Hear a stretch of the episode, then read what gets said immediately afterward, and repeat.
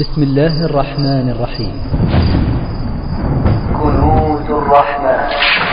فتح لنا سبحانه وبحمده أسباب المغفرة وأبواب لتكفير السيئات. أين المقبلين إليه؟ والآخذين بهذه الأسباب. لعل الله عز وجل أن يغفر لنا. أبواب المغفرة. من دخل مع هذه الأبواب واتخذ تلك السبل. غفر الله له.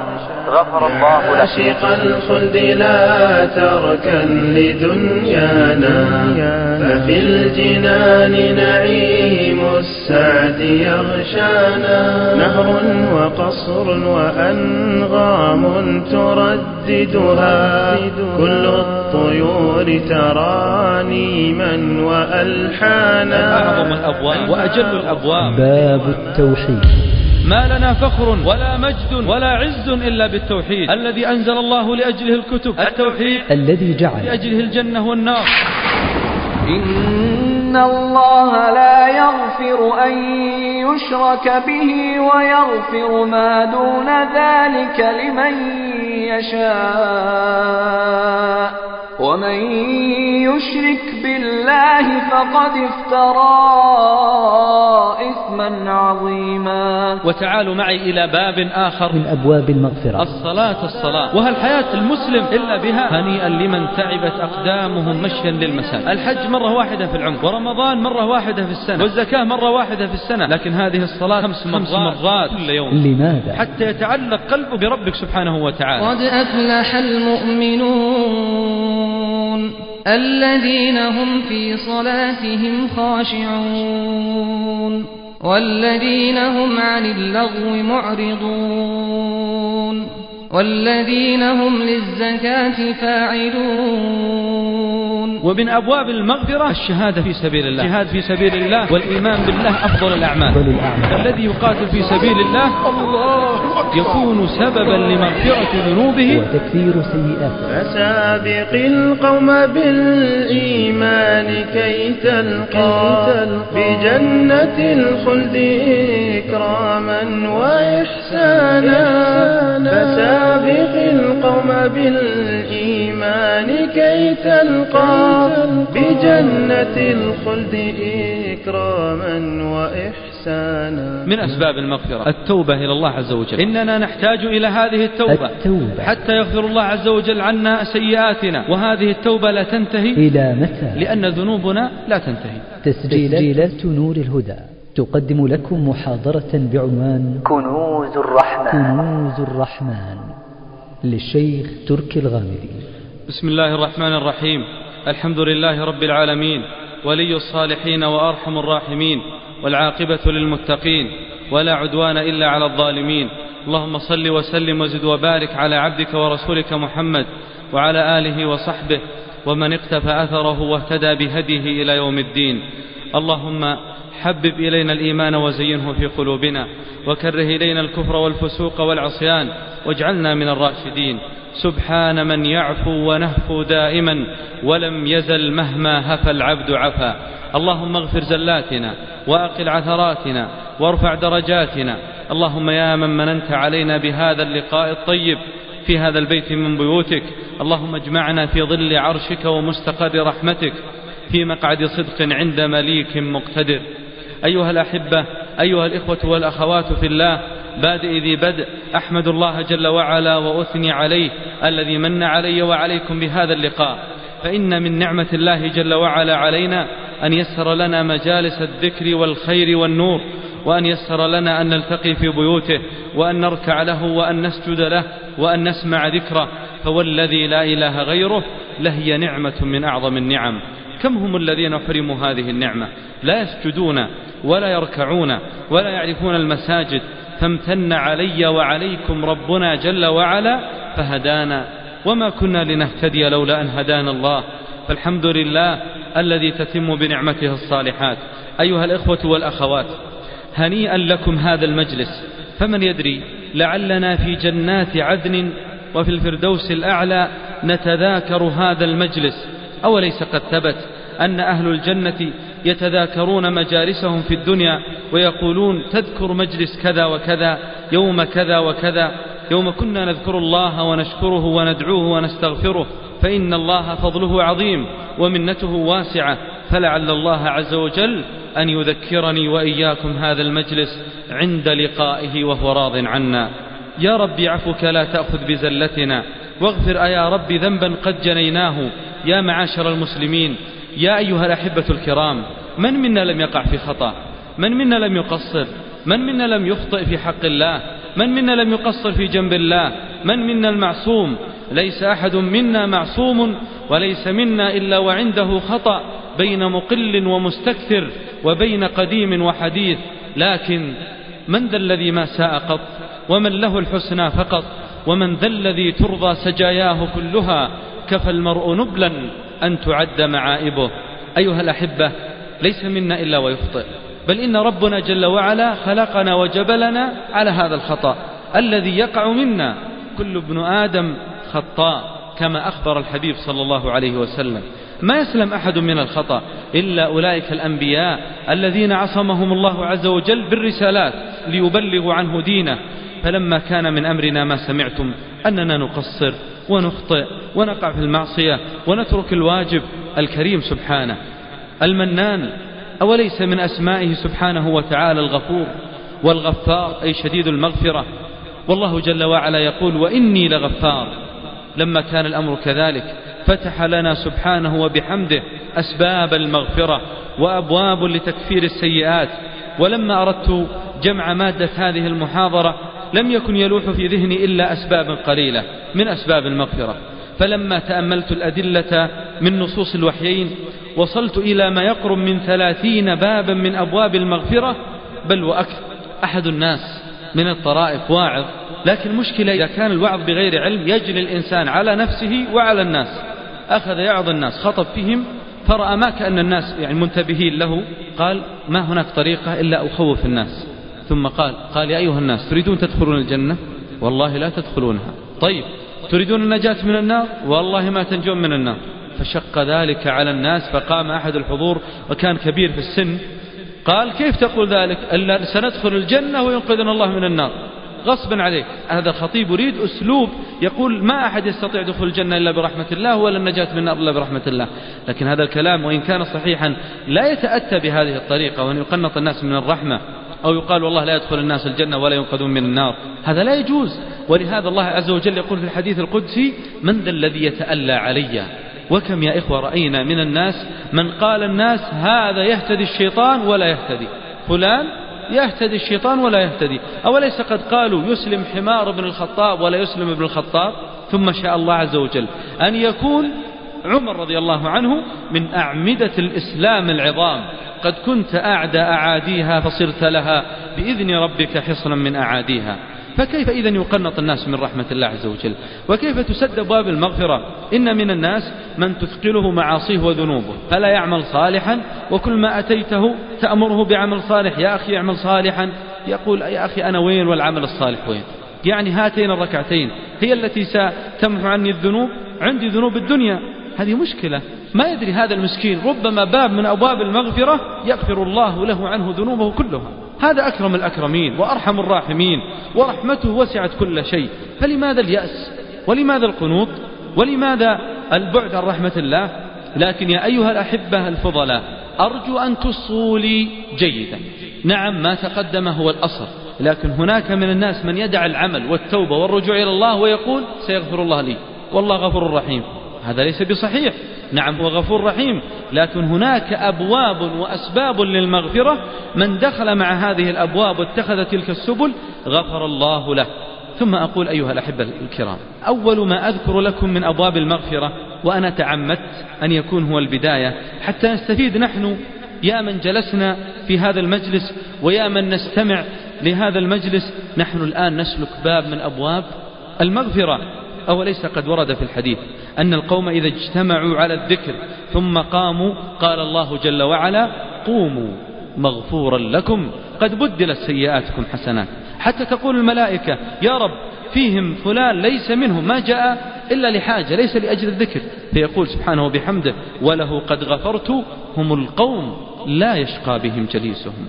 نسأل الله من فضله يا رب يا رب نسألك أن تختم لنا هذا المجلس بالمغفرة أسأل الله أن يختم لي ولكم هذا المجلس بالمغفرة وأن تكون هذه الدقائق التي نجلسها تمر علينا الآن كشربة ماء أن نتذاكرها وإياكم في جنات عدن عند أكرم الأكرمين. يا إخواني الواحد لا يعتمد منا على عمله ولا على نيته. والله لو اعتمدنا على ذلك فإنما إلى ضعف وعورة. إلى الله المشتكى.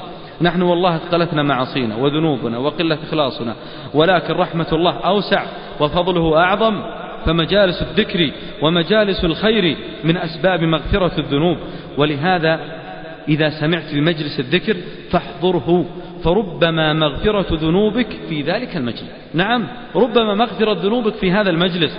ربما تفتح للإنسان أبواب الهداية والمغفرة في ذلك المجلس. وأنتم تسمعون وأنا أسمع ناس حضروا مجالس لمدة نصف ساعة أو ساعة ثم خرج منها وقد هداه الله جل وعلا.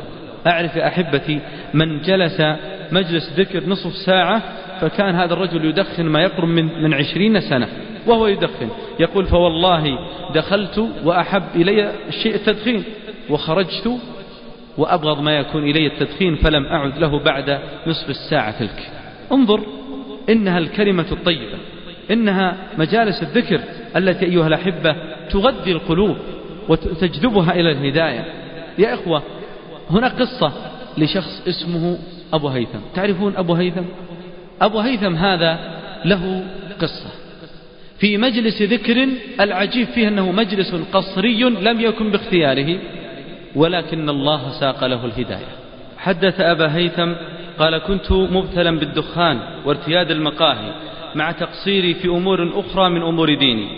قال بل كنت أسهر حتى ساعات الفجر الأولى ثم أعود إلى بيتي منهكا من هذه السهرات ومن جلسات البلوت ثم يقول أول ما يذهب عليه صلاة الفجر.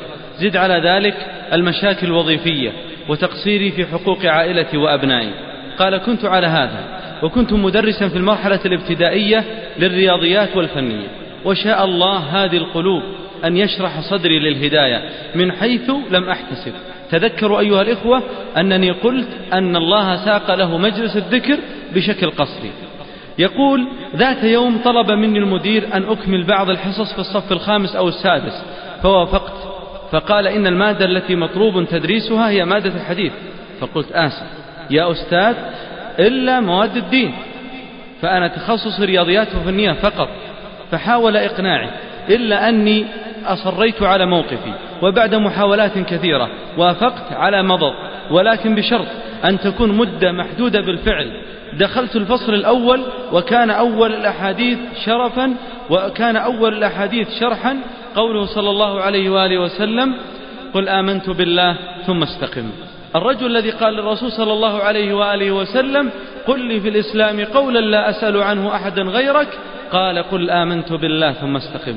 يا لله حديث واحد من أحاديث المصطفى صلى الله عليه وآله وسلم غير مسار هذا الإنسان غير حياته إلى الأفضل إنها مجالس الذكر. قال أبو هيثم فكأنما أسمع الحديث لأول مرة لما دخلت إلى الفصل لأشرحه قال والله لكأنما أسمعه أول مرة. وبلغ التأثير مني مبلغه وشعرت بالتناقض فكيف أقول للطلاب معنى هذا الحديث وأنا أناقضه؟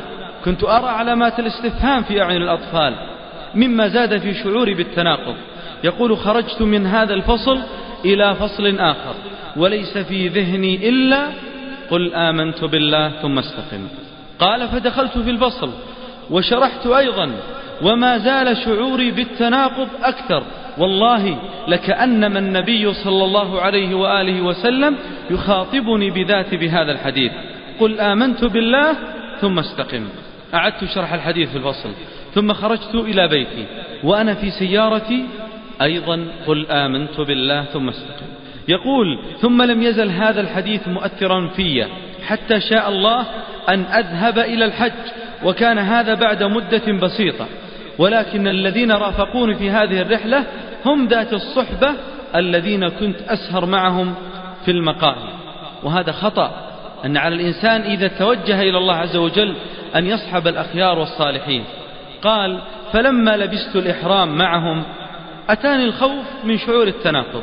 إذ كيف ألبس هذا اللباس الطاهر النظيف الشريف وفي هذا الموضع الشريف ثم أحمل السجارة التي حرمها الله علي؟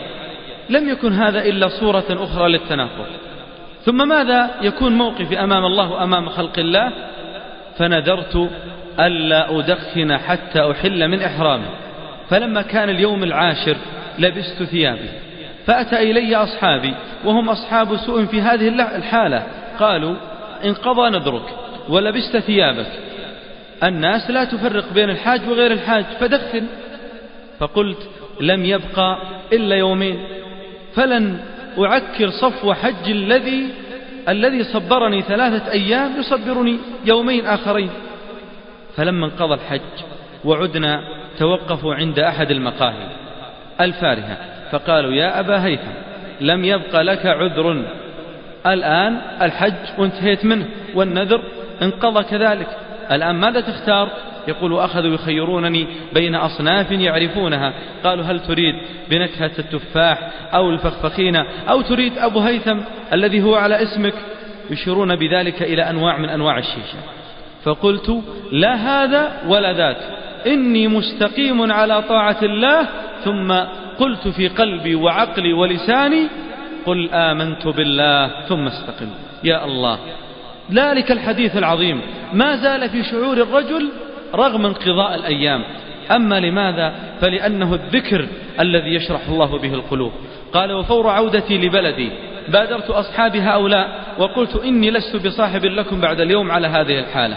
والتحقت بدراسة في التخصصات الشرعية في المساء حتى أتفقه في ديني وأشغل وقتي بما يرضي الله وأبتعد عن صحبة السابقة. وهذا نعم ما صنع هذا الرجل. يقول وبالفعل أتممت دراستي ورجعت للمدير ليس لطلب أن يعفيني من هذه المادة التي أخذتها وأنا على مضض لا. هذه المرة أقول له أنا أريد أن يكون التخصص كله شرح لحديث رسول الله صلى الله عليه وآله وسلم وعلوم الشريعة مع الاحترام الكبير لجميع العلوم النافعة. لكن هكذا أيها الأحبة كان ذلك الحديث العظيم مؤثرا تأثيرا عظيما في حياة هذا الرجل.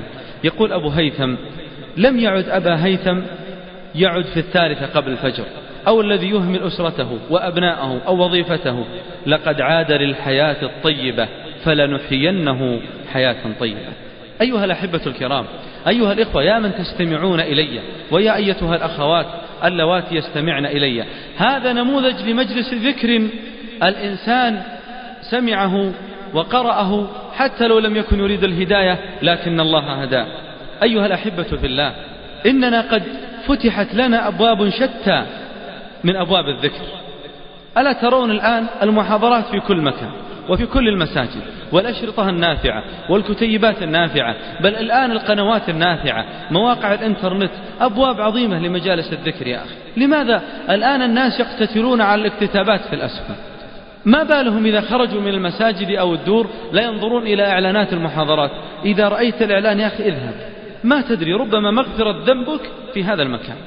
ثم صلاح الإنسان في دينه ودنياه هو بهذه المجالس المباركة. ولا تقل يا أخي أنني أنشغل في أوقات المحاضرات. خذ الشريط واسمعه متى شئت. افتح القناة الطيبة واسمعها متى شئت. إذاعة القرآن الكريم واسمعها متى شئت. أنت تستطيع أن تأخذ المحاضرة والكلمة ومجلس الذكر متى أردت. إنها والله نعمة من الله عز وجل على عباده. أيها الإخوة هناك ولله الحمد المحاضرات الكثيرة لكن بعض الناس يتحجج ويقول هي بعيدة عني. والله يا أخوان يحدثني شاب يقول سرت إلى مباراة لأجل حضورها أكثر من عشرة كيلومترات مشيا على الأقدام. يقول فلما أتيت وجدت التذاكر قد نفتت فجلست في خارج المدرجات الرياضية أسمع صيحات الجماهير. أنت يا من تريد ذكر الله ومغفرة ذنوبك. أحيانا الكلمات والمحاضرات تكون أقرب إليك بالمترات ومع ذلك قد لا يذهب بعض الناس ويخذله الشيطان. ثم أيضا بعض الناس يقول سمعت عن عنوان المحاضرة وأنا أعرفه وأعرف هذا الموضوع. يا أخي أول ما تسمع مجلس الذكر تذكر قوموا مغفورا لكم. فلعل الله أن يغفر لك من ضمن هؤلاء. هذا هو الباب الأول من أبواب المغفرة. لكن الباب الثاني وهو أعظم الأبواب وأجل الأبواب هو باب التوحيد. إنهم الموحدون. الذين يغفر الله لهم ومما زادني فخرا وعزا وكدت بأخمصي أطأ الثريا دخولي تحت قولك يا عبادي وأن صيرت أحمد لي نبيا. لا والذي لا إله غيره ما لنا فخر ولا مجد ولا عز إلا بالتوحيد. إن أعظم موقف يوم أن نرفع أيدينا للواحد الأحد لا نرغب ولا نرهب ولا نرجو ولا نحب إلا هو. وإن أعظم المواطن يوم أن نعفر جباهنا للواحد الأحد. لا نسجد إلا له ولا نركع إلا له. نصرف العبادات كاملة. الذبح والنذر والخوف والرجاء والصلاة والطواف كلها لله. قل إن صلاتي ونسكي ومحياي ومماتي لله رب العالمين. أعظم ما تكون أن تكون موحدا. أيها الناس إن المسلمين اليوم إن من المسلمين اليوم من لا يدرك فضل هذه المنزلة العظيمة وهي التوحيد. أن تقول لا إله إلا الله خالصا من قلبك. إن كثيرا من الناس الآن يفقدونها. بل والله ملايين من البشر. أحدهم دخل إلى التوحيد فقلت ما حملك؟ قال تعبت من دعاء غير الله. يقول هذا الرجل يقول كل يوم أدعو إثنى عشر إماما وأدعو ربي أنا أريد أن أدعو ربي من قلبي وأدع كل ما سوى الله عز وجل. فإذا قلت يا حي يا قيوم انخلع من قلبي كل ما سوى الله انقطعت الروابط والرجاء إلا في الله سبحانه وتعالى. أمن يجيب المضطر إذا دعاه ويكشف السوء. نعم إن التوحيد هو قمة العظمة في حياة المسلم.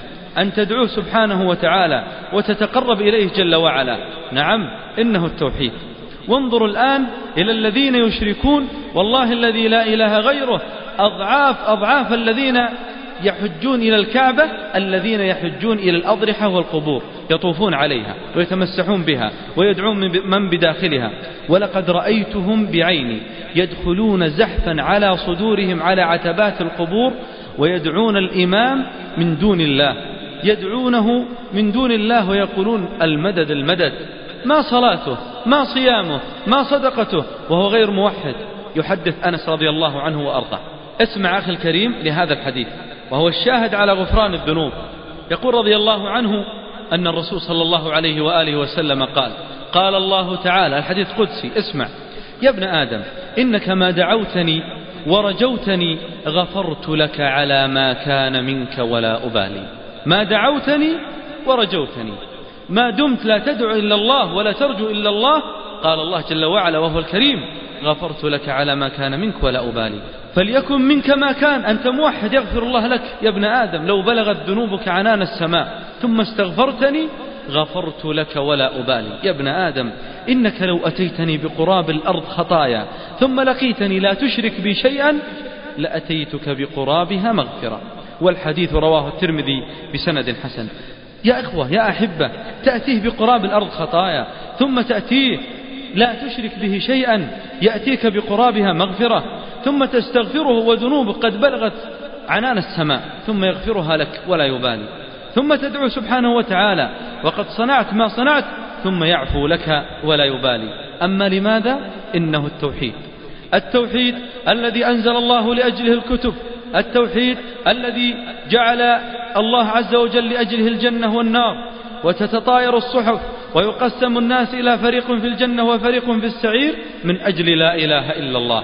يا أيها الأخيار ألم يدعو إليها حبيبي وسيدي محمد صلى الله عليه وآله وسلم ثلاثة عشر سنة من أجل لا إله إلا الله؟ هي تخلص الناس من النار. بل إن الله يغفر لكل أحد إلا لمن وقع في الشرك. إن الله يغفر الذنوب جميعا. لكن المشركين مصيبة لا يغفر الله له ذنبه. أيها الإخوة هكذا إذا التوحيد سبب عظيم من أسباب المغفرة. فاحمد الله عز وجل أن الله كرمك عن الشرك وإنهم ليبذلون والله الآن أوقاتهم وأموالهم وجهدهم ولكن يحسبون أنهم يحسنون صنعا. مساكين هؤلاء الذين يقعون في الشرك هذا يتعب وينصب لكن لا يحسن عملا. والسبب هذا الذي يحبط الأعمال الشرك. أعاذني الله وإياكم منه. فاحمد الله أن جعلك موحدا. فهذا سبب وسبب عظيم الذي يجعلك أن تكفر سيئاتك. وتعالوا معي إلى باب آخر من أبواب المغفرة. يا لهذا الباب ما أعظمه وما أجمله وما أروعه. الصلاة الصلاة. هذه نور. الصلاة نعمة. والله العظيم إنها نعمة. من الله عز وجل علينا أن طمأن قلوبنا بهذه الصلاة. مسكين الذي لا يصلي. ما قيمة الإنسان؟ يا أيها الأحبة الكرام وهو لا يركع ولا يسجد للواحد الأحد. وهل نحن إلا بهذه الصلاة؟ وهل حياة المسلم إلا بها؟ الحج مرة واحدة في العمر. ورمضان مرة واحدة في السنة. والزكاة مرة واحدة في السنة. لكن هذه الصلاة خمس مرات كل يوم. لماذا؟ حتى يتعلق قلبك بربك سبحانه وتعالى. إنها الصلاة التي يصلح الله عز وجل بها أحوال الناس ويغفر الله عز وجل بها ذنوبهم. إنها باب عظيم. هي صلة. سميت صلاة لأنها صلة بين العبد وربه. هي باب عظيم من أسباب المغفرة. ولهذا يقول صلى الله عليه وآله وسلم اسمعوا لهذا الحديث. هذا الحديث لا أظن عاقل لا أظن عاقل يسمعه ويفقهه ثم يدع هذه الصلاة. يقول حبيبي صلى الله عليه وآله وسلم أرأيتم لو أن نهرا جار غمر عند باب أحدكم يغتسل منه كل يوم خمس مرات هل يبقى من درنه شيء؟ قالوا لا يا رسول الله ما يبقى شيء من درنه. خمس مرات يا أخوان وهو يغتسل يوميا ما يبقى من درنه ولا وسخه شيء. قال صلى الله عليه وآله وسلم فكذلك الصلاة يمحو الله بهن الخطايا. هذه الصلوات الخمس يمحو الله بهن الخطايا. تصلي الفجر فيمحو الله عنك ذنوب المساء. فتصلي الظهر فيمحو الله عنك ذنوب الصباح. وهكذا تطهرك هذه الصلاة. ولما أتى رجل إلى الرسول صلى الله عليه وآله وسلم قال يا رسول الله أصبت ذنبا. قبلت امرأة. قال هل صليت معنا؟ قال نعم. فقال إن الله عز وجل يقول إن الحسنات يذهبن السيئات. قال الرجل ألي هذا خاصة يا رسول الله أم للأمة؟ قال بل للأمة جميعا إن الحسنات يذهبن السيئات ولهذا لا يطمئن المؤمن أبدا حتى يؤدي هذه الصلاة وهذه الفريضة وسبحان الله عز وجل سبحان الله كيف أضل سبحانه بحكمته قلوبا عن الصلاة ما تؤدي الصلاة البتة سبحان الله كيف يعيش هؤلاء كيف ينام كيف ينامون كيف يأكلون كيف يشربون وهم لا يصلون فاحمد الله يا أخي المسلم على أداء هذه الفريضة وعلى أداء هذا الفرض العظيم. واسأل الله عز وجل التثبيت عليها. والله الله يا أيها الإخوة في الحرص على عمود الإسلام الحرص على هذه الصلاة التي تنجي العبد يوم القيامة. الحرص على هذه الصلاة التي هي عنوان العبور لبقية الأعمال. أول ما ينظر في عملك ينظر إلى صلاتك. صلحت هذه الصلاة نظر في سائر العمل. فسدت الصلاة فسد سائر العمل ولا ينظر لعمل آخر. كان حبيبنا سيدي محمد صلى الله عليه وآله وسلم كان كثير الحرص على هذه الصلاة. وشديد الحرص أن تؤدى في بيت الله. وقد كان يؤتى به بأبي هو وأمي صلى الله عليه وآله وسلم يهادى بين الرجلين ليكون في الصف لأجل أن يقيم هذه الشعيرة. ويسأل أصلى الناس في مرض موته صلى الله عليه وسلم ثلاث مرات يسأل فيقولون يا رسول الله هم بانتظارك. فيقول أقوم إلى الصلاة ثم يغمى عليه من شدة المرض ثلاث مرات وهو يحرص على أن يصلي مع الناس في المسجد. ثم الآن الله المستعان تفوتنا الصلاة في المسجد وكأنما شربنا ماء لا نقيم لها بالا ولا حول ولا قوة إلا بالله. أعظم مكاسبنا هذه الصلاة يا أيها الإخوة. احرصوا عليها. تريد المغفرة؟ هاك الصلاة. كلما أديت فرضا فإنما تؤدي بابا يوصلك إلى المغفرة. وأيضا أنا أوصي أخوات المسلمات. بعض الأخوات تتساهل في أداء هذه الصلاة أو تؤخرها عن وقتها حتى خروج الوقت أو في وقت الاضطرار فلتتنبه المرأة المسلمة والأخت الكريمة لهذا الأمر. من أبواب المغفرة رمضان. نعم رمضان إلى رمضان. فهو مكفر ما بين الرمضانين. نسأل الله من فضله ونسأل الله أن يبلغنا وإياكم ذاك الشهر. شرف الله ذاك الشهر. وأن يجعلنا وإياكم ممن يصومه ويقومه إيمانا واحتسابا. الذي يدرك رمضان ولم يغفر له مسكين. هذا خسران خسارة عظيمة. لأنه لأن فرص عظيمة ثلاث متتابعة في رمضان إذا فاتته فاته خير عظيم. يقول صلى الله عليه وسلم في الصحيحين من قام رمضان إيمانا واحتسابا غفر له ما تقدم من ذنبه. هذه واحدة. أن تقوم رمضان إيمانا واحتسابا. يأتيك رجل عمره ثمانين أو تسعين أو امرأة عمرها تسعين سنة ثم يقوم هذا الشهر إيمانا واحتسابا فيغفر الله له ما تقدم من ذنبه. الله أكبر. الباب الثاني من صام رمضان إيمانا واحتسابا غفر له ما تقدم من ذنبه. تصوم هذه الأيام الثلاثين إيمانا واحتسابا بوجوبها واحتسابا للأجر عند ربك سبحانه وتعالى فيغفر الله لك ما تقدم من ذنبك. هذه الفرصة الثانية. لكن تقوم للأجر عند الله عز وجل ليلة واحدة فيغفر الله لك ما تقدم من ذنبك وما تأخر. ما هذه؟ من قام ليلة القدر إيمانا واحتسابا غفر له ما تقدم من ذنبه. ليلة واحدة. ليلة واحدة أيها الإخوة يقومها إيمانا واحتسابا فيغفر الله له ما تقدم من ذنبه. أي فضل هذا؟ إنه فضل الله عز وجل.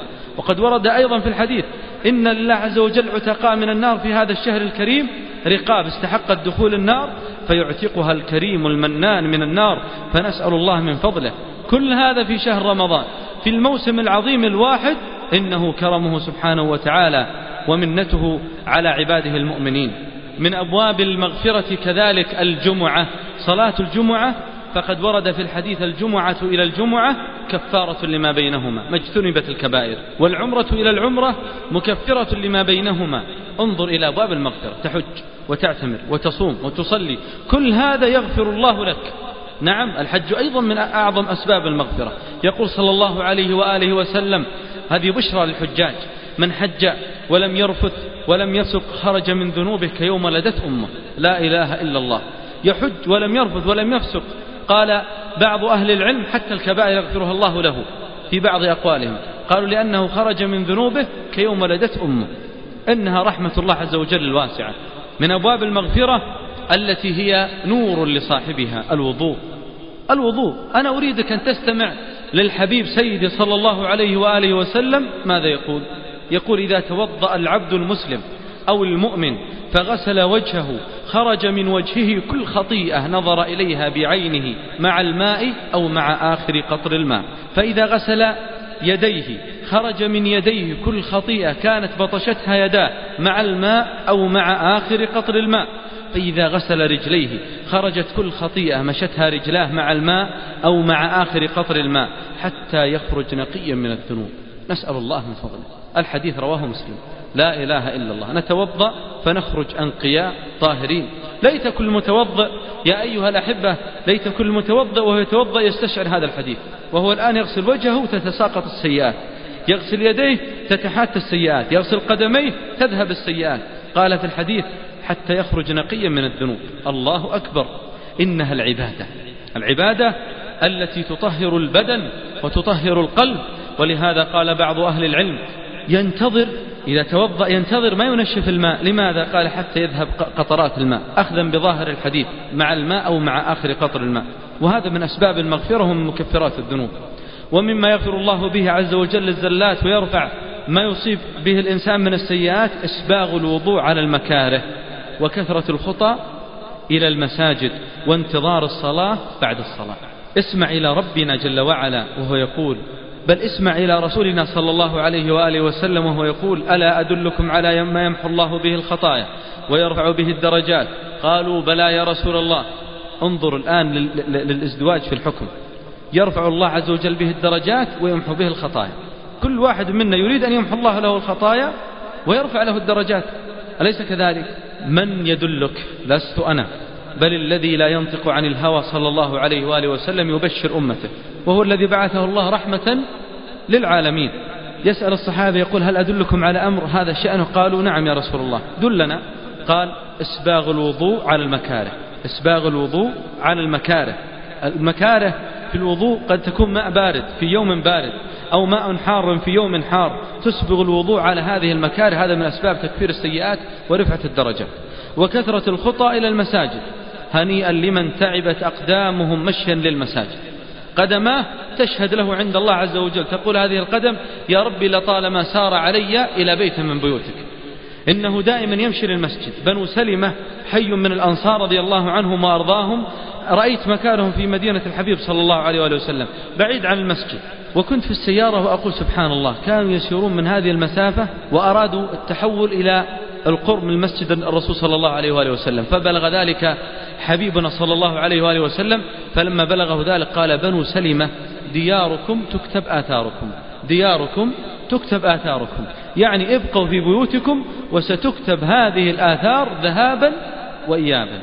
بشر المشائين في الظلم من المساجد بالنور التام يوم القيامة.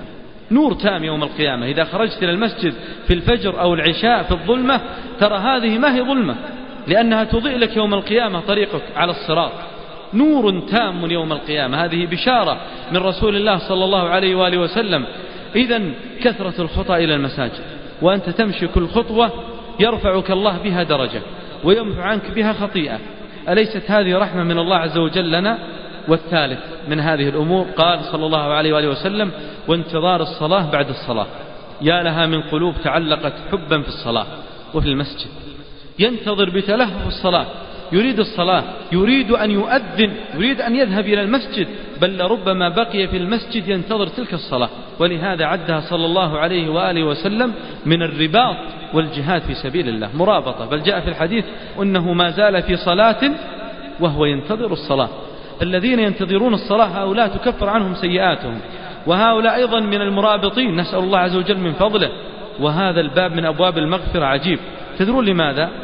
لأن عمله يسير وفعله يسير لا يحتاج إلى جهد وأجره عظيم جدا وهذا الذي سأذكره لكم. ولما ذكرت حديثا في فضل طلب العلم حديث مخرج في كتب السنة قال أحد الناس قال يا أخي معقول هذا الحديث الصحيح قلت نعم.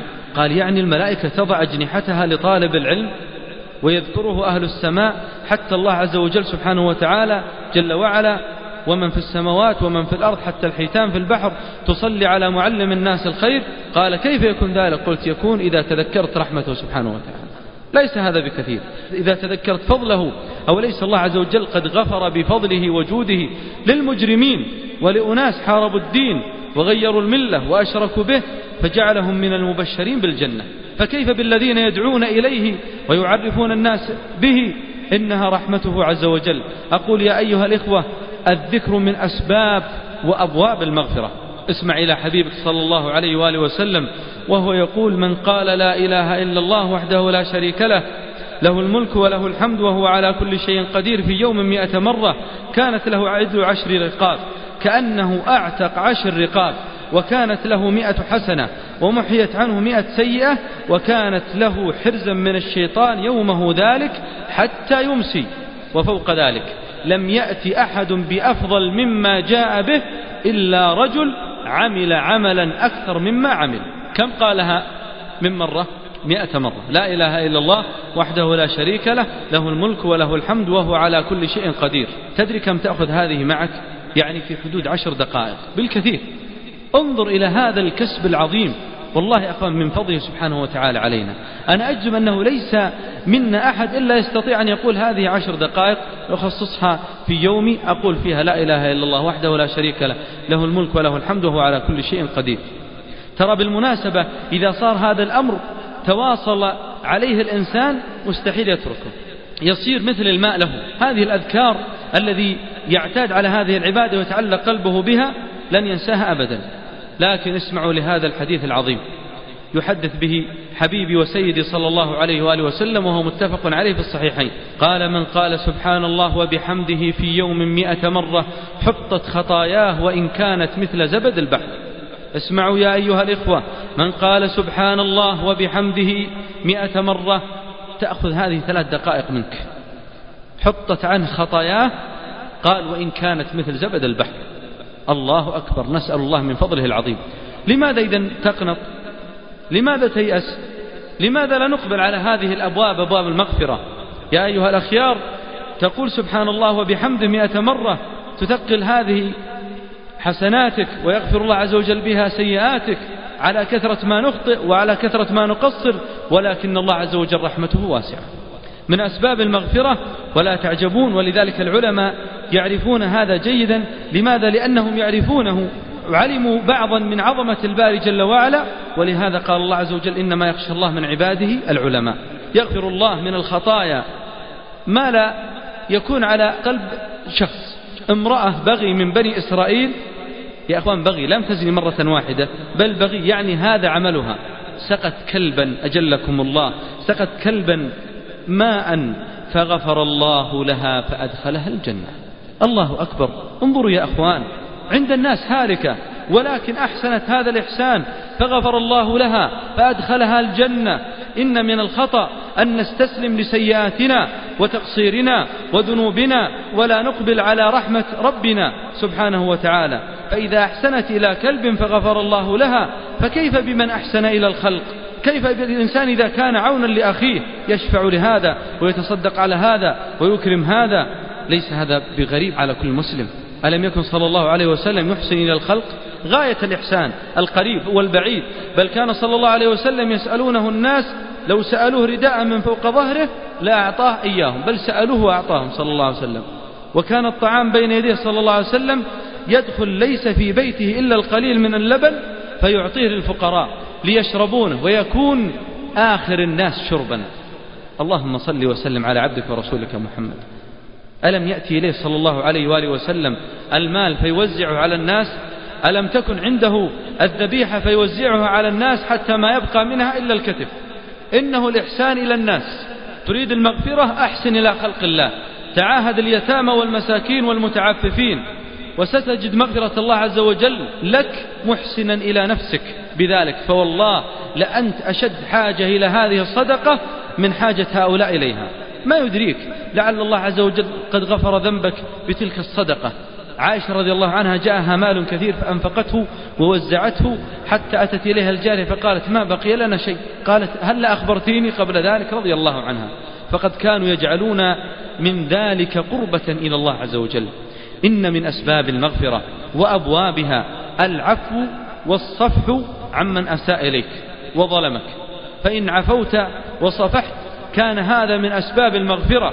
ولما كان من بعض الصحابة رضي الله عنهم أجمعين أن أساء إلى الصديق رضي الله عنه وإلى ابنته الصديقة عائشة رضي الله عنها وعن أبيها وصلى الله وسلم على والدها. لما كان ممن تكلم وأساء تلك الإساءة كان رضي الله عنه أبو بكر كان يحسن بعض هؤلاء ويعطيه من ماله. فلما أساء إلى ابنته وأنزل الله عز وجل براءتها قطع عنه ما كان يعطيه.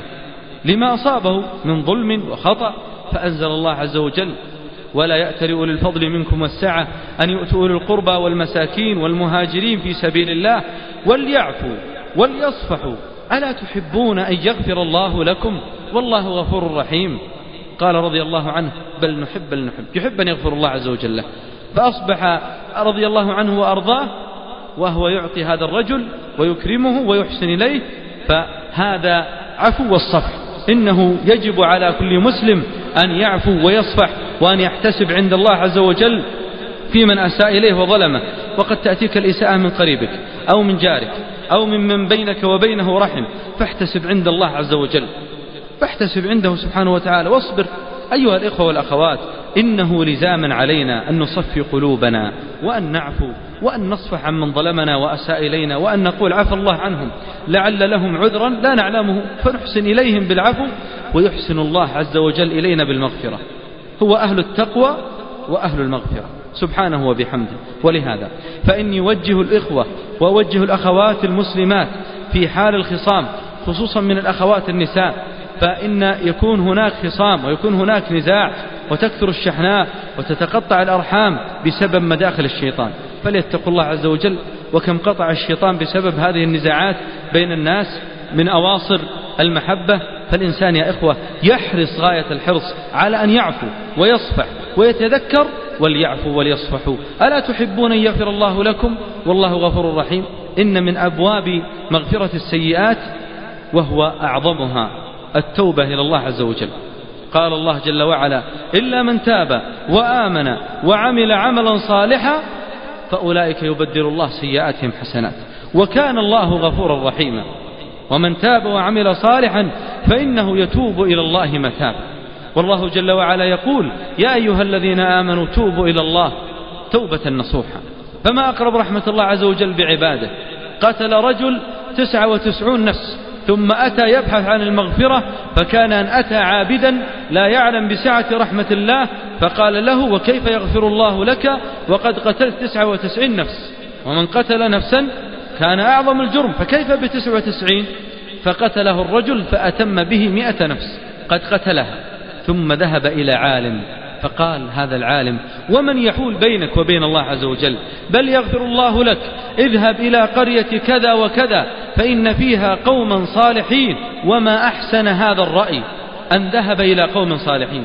العجيب يا أيها الإخوة أن هذا الرجل ما عمل صالحا قط إلا أنه تاب.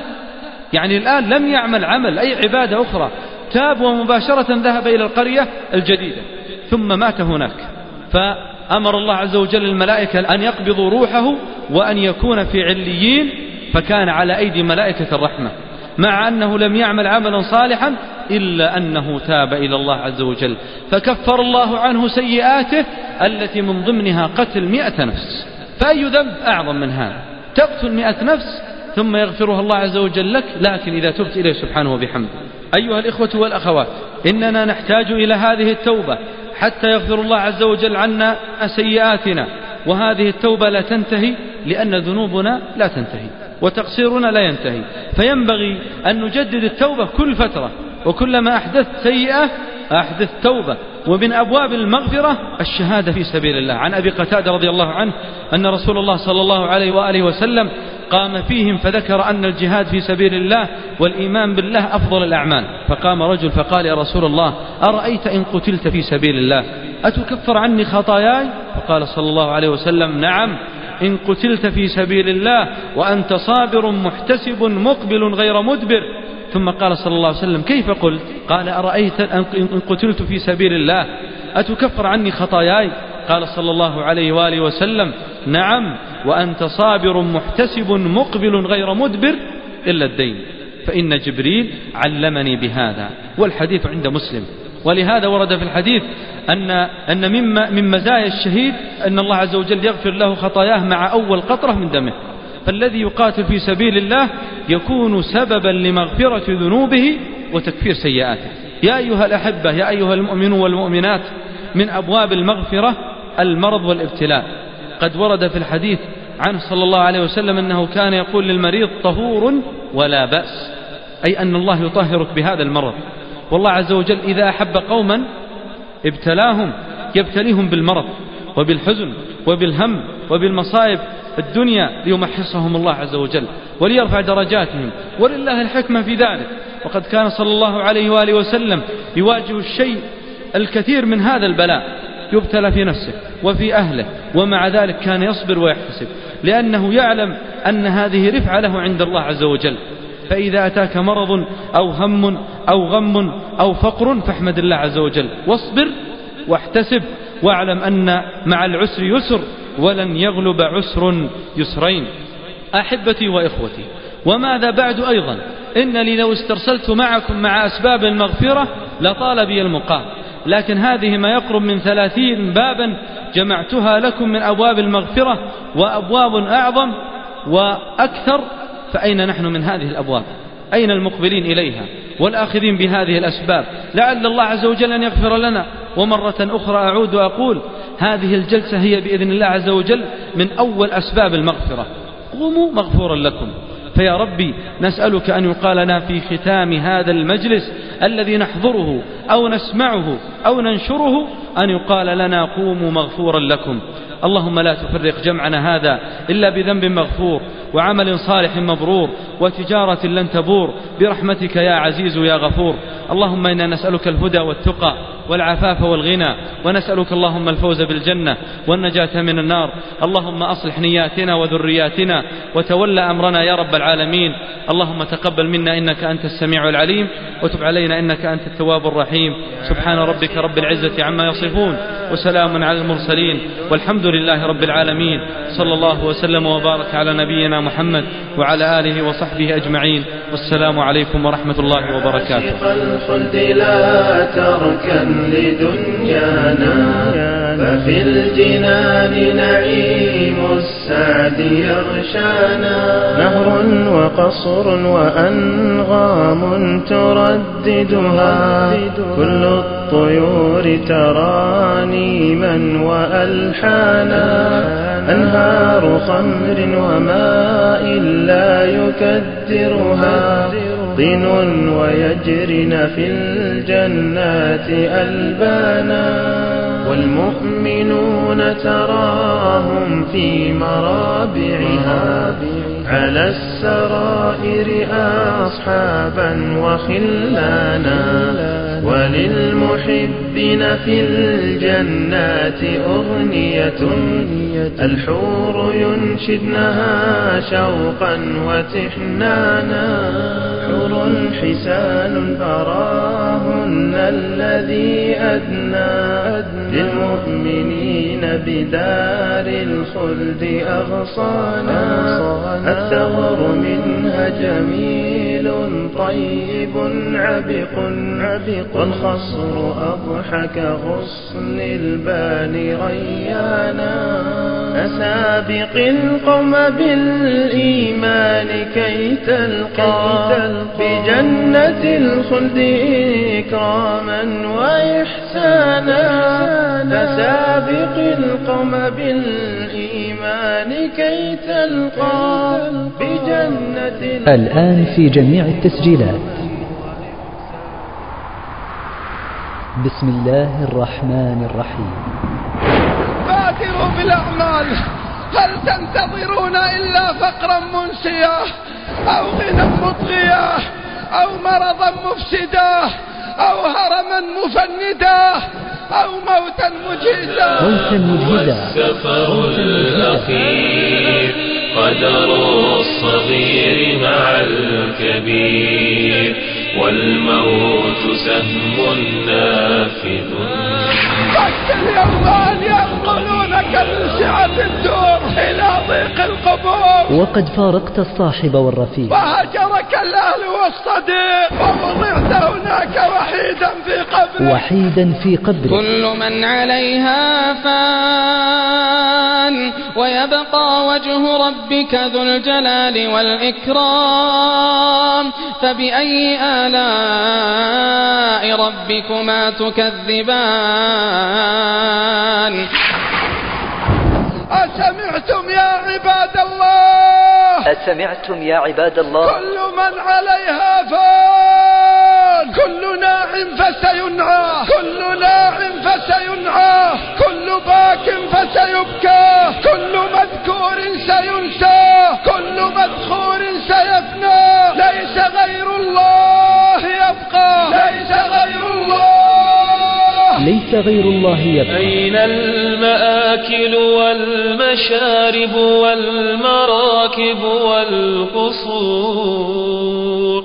أين النظارة والجمال وأين رائحة العطور؟ إنما هي كأبغاد أحلام. أو كطيف زار في منامه يا من بدنياه انشغل. وغره طول الأمل. غرك طول الأمل. الموت يأتي بغتة والقبر صندوق العمل. الموت الموت. قيل أنها أشد من ضرب السيوف ونشر المناشير وقرض المقاريض كلا إذا بلغت التراقي وقيل من راق وظن أنه الفراق. كلا إذا بلغت التراقي وقيل من راق